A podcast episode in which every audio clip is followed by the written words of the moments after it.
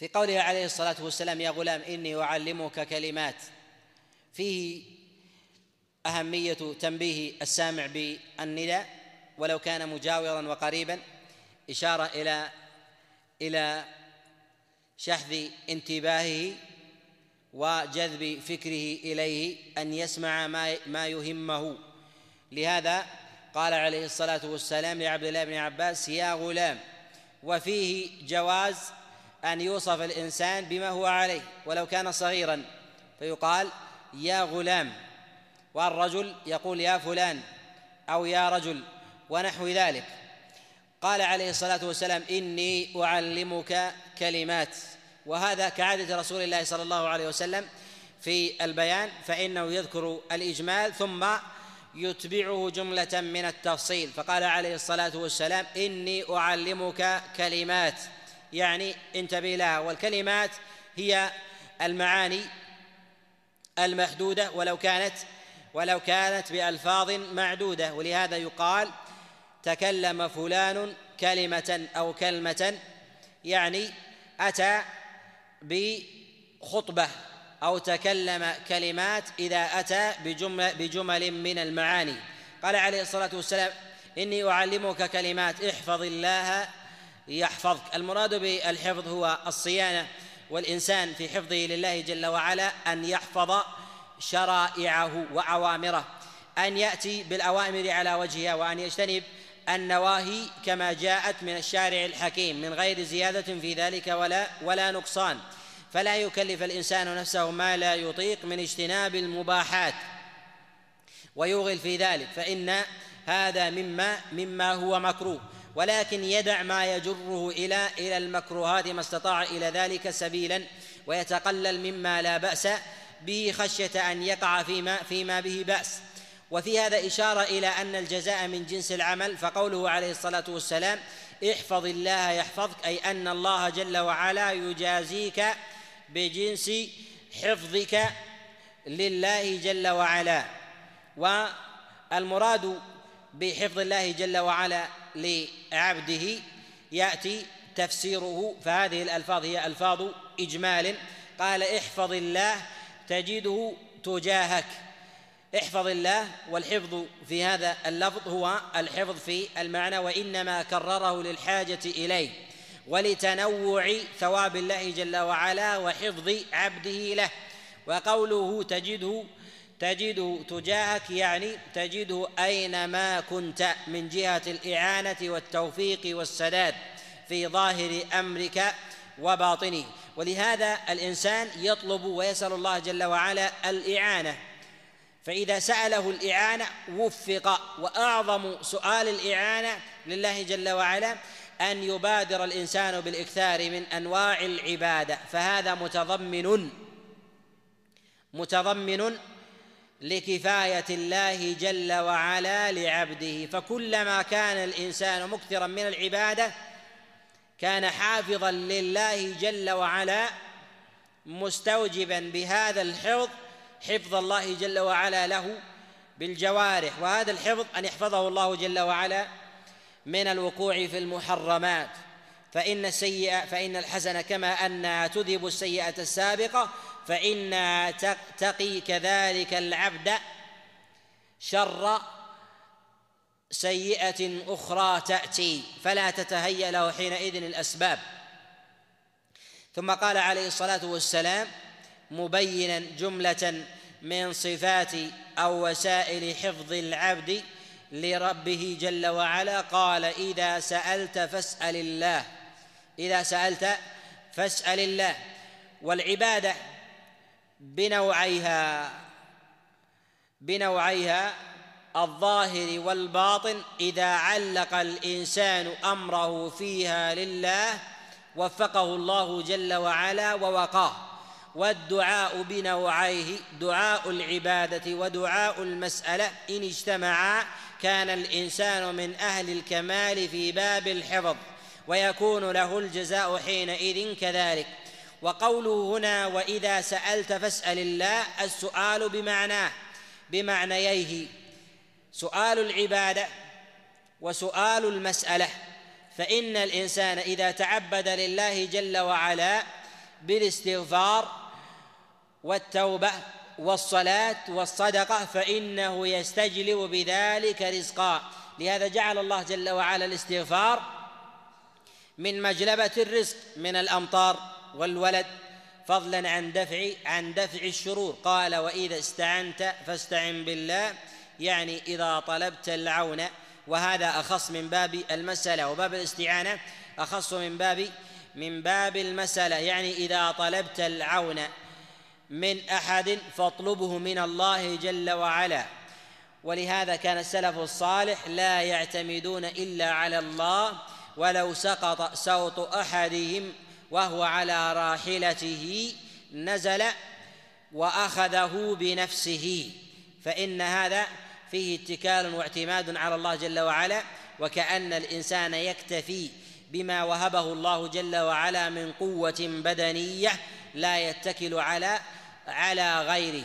كذلك فإن الإنسان ولو رزق الإخلاص والتعلق بالله جل وعلا إذا تعلق بأمر الناس وما في أيديهم استرسل في هذا الأمر حتى رزق اتكالا حتى رزق اتكالا فابتعد عن التعلق بأمر الله جل وعلا شيئا فشيئا حتى تجرد من ذلك.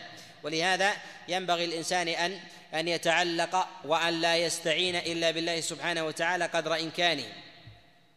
قال وأن الأمة لو اجتمعت وهذا من الكلمات التي علمها رسول الله صلى الله عليه وسلم الغلام وهو عبد الله بن عباس عليه رضوان الله تعالى. قال واعلم أن الأمة لو اجتمعت على أن ينفعوك بشيء لم ينفعوك إلا بشيء قد كتبه الله لك في إشارة إلى مسألة القدر وأن الله جل وعلا كتب مقادير الخلائق وقسم سبحانه وتعالى الأرزاق. كما في حديث عبد الله بن مسعود عليه رضوان الله تعالى السابق أن الله جل وعلا يوكل الملك بكتب رزقه وأجله وشقي أم سعيد. فلما كان كذلك ينبغي للمرء ألا يعلق أمره في هذا إلا بالله جل وعلا وأن الناس لا يغيرون مما كتبه الله جل وعلا على الإنسان بشيء.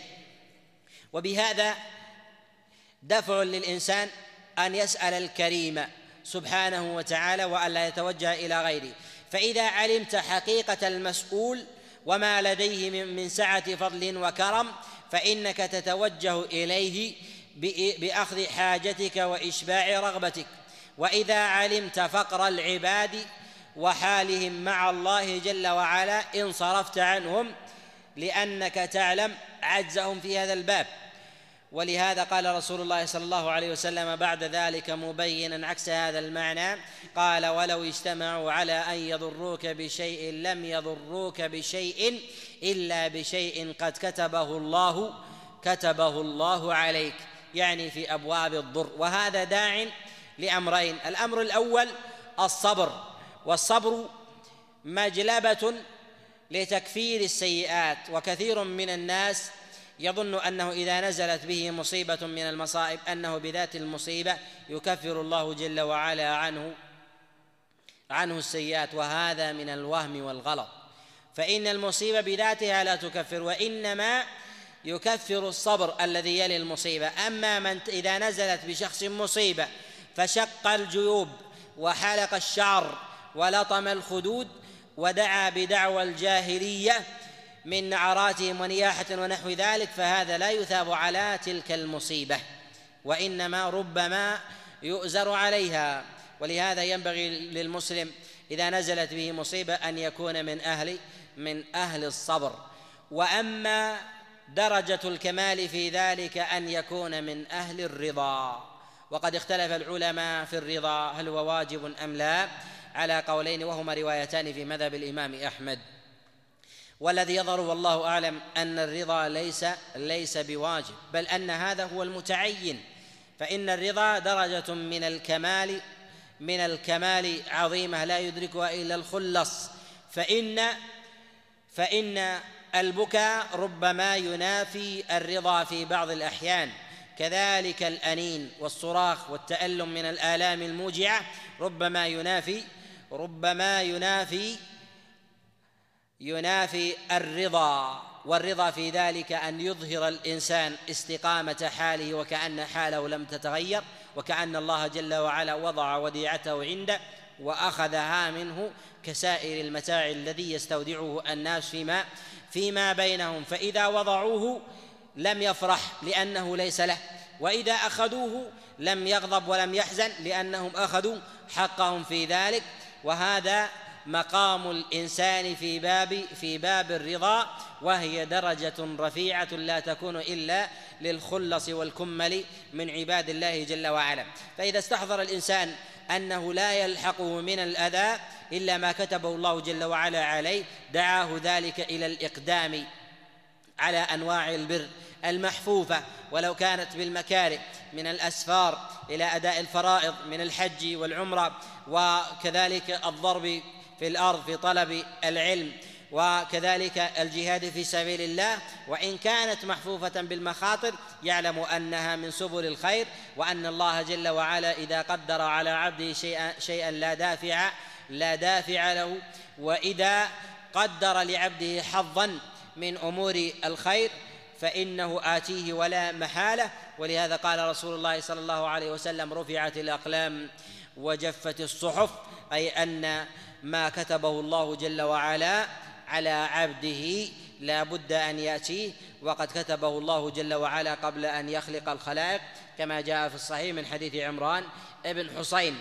قال عليه الصلاة والسلام هنا احفظ الله تجده أمامك تعرف إلى الله في الرخاء يعرفك في الشدة وفيه إشارة إلى مسألة ومعنى عظيم وهو أن الشدائد يتوجه حتى إلى حتى الكفار إلى الله ويتضرع حتى البهائم ترفع شكواها إلى الله جل وعلا أكثر من حال الرخاء. ولهذا ينبغي للمؤمن أن يترفع عن هذه المعاني من معاني البهائم ومعاني الكفرة المعاندين الذين إذا نزلت بهم مصيبة دعوا الله جل وعلا مخلصين له الدين كحال الكفرة حينما حينما تجري بهم الفلك في البحر.